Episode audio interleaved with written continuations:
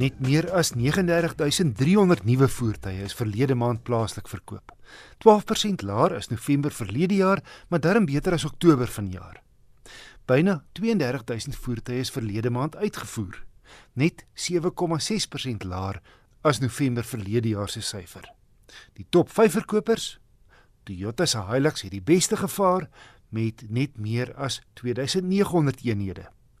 Die Volkswagen Polo Vivo was tweede, gevolg deur die nuwer geslag Polo, die Ford Ranger 4de en Toyota se Fortuner 5de met 1488 eenhede, sy beste maand van jaar.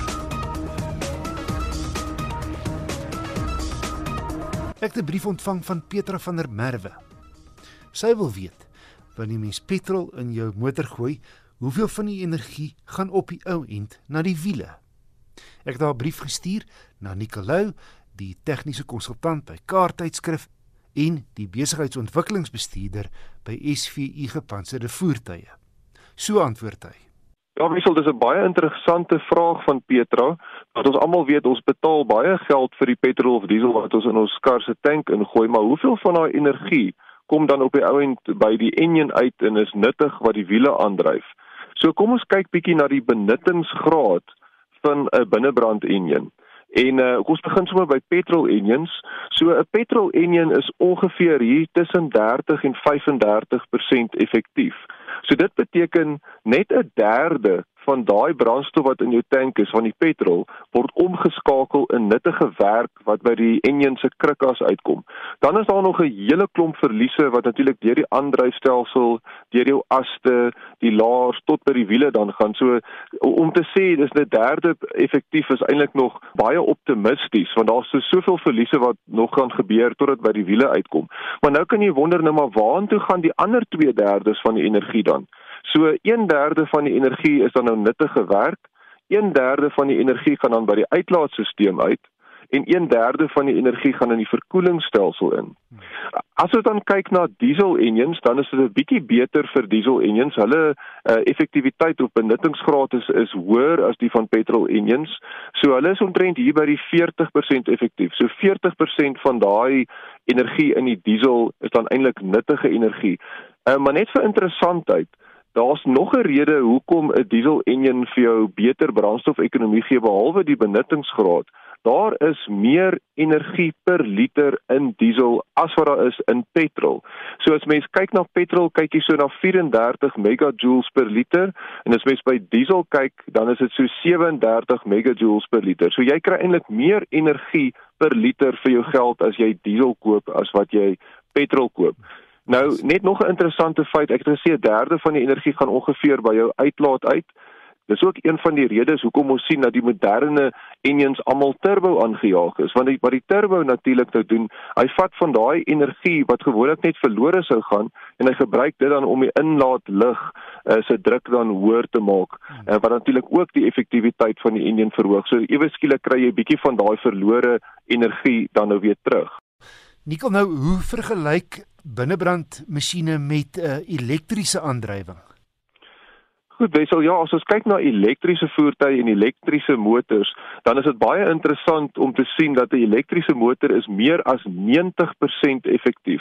Dit wil sê daai energie wat inkom, 90% van daai energie word omgeskakel in nuttige drywing wat kan gebruik word om dan die voertuig aan te dryf.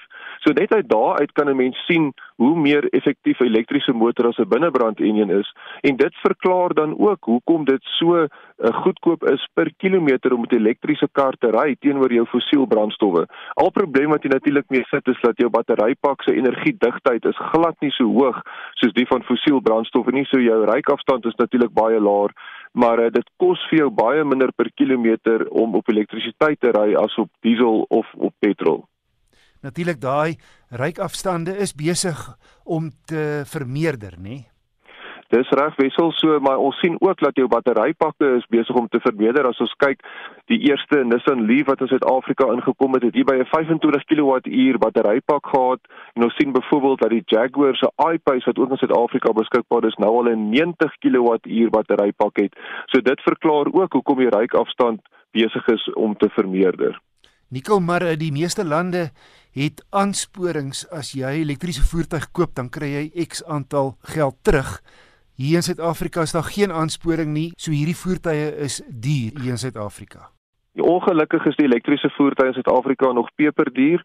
Ons wil graag sien dat daar in die toekoms 'n bietjie meer hulp van die uh, regering af gaan kom, maar ek dink in Suid-Afrika gaan ons elektriese voertuie altyd jou tweede of jou derde voertuig in die in die huisgesin wees. Onthou, ons hou van vakansies, hou dis amper vakansietyd. Jy wil lang afstand ry, jy wil die boot haak, jy wil die karavaan haak. Elektriese karre gaan nie daarvoor werk nie. Daarvoor gaan ons maar nog binnebrand moet gebruik, veral vir die lang ryafstande.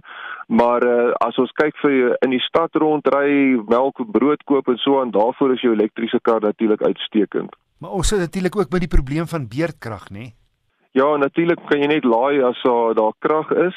Ehm um, die voordeel is natuurlik as jy hom ingeprop het, hy's intelligent. Wanneer die krag daar is, sal hy laai en uh, ons sien selfs oor see daar's al stelsels waar jy jou huishouding kan hardloop van jou uh, elektriese voertuig af sodat hy basies vir jou die krag kan verskaf wanneer daar nie hoofkrag is nie en natuurlik wanneer jy hom weer kan laai. So dit is ook 'n manier hoe jy elektriese kar kan gebruik, maar ek dink in die Suid-Afrikaanse konteks die binnebrand enjin gaan nog vir 'n hele ruk saam met ons wees.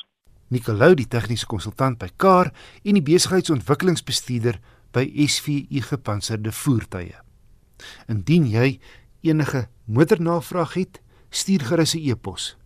My adres is wissel@rsg.co.za.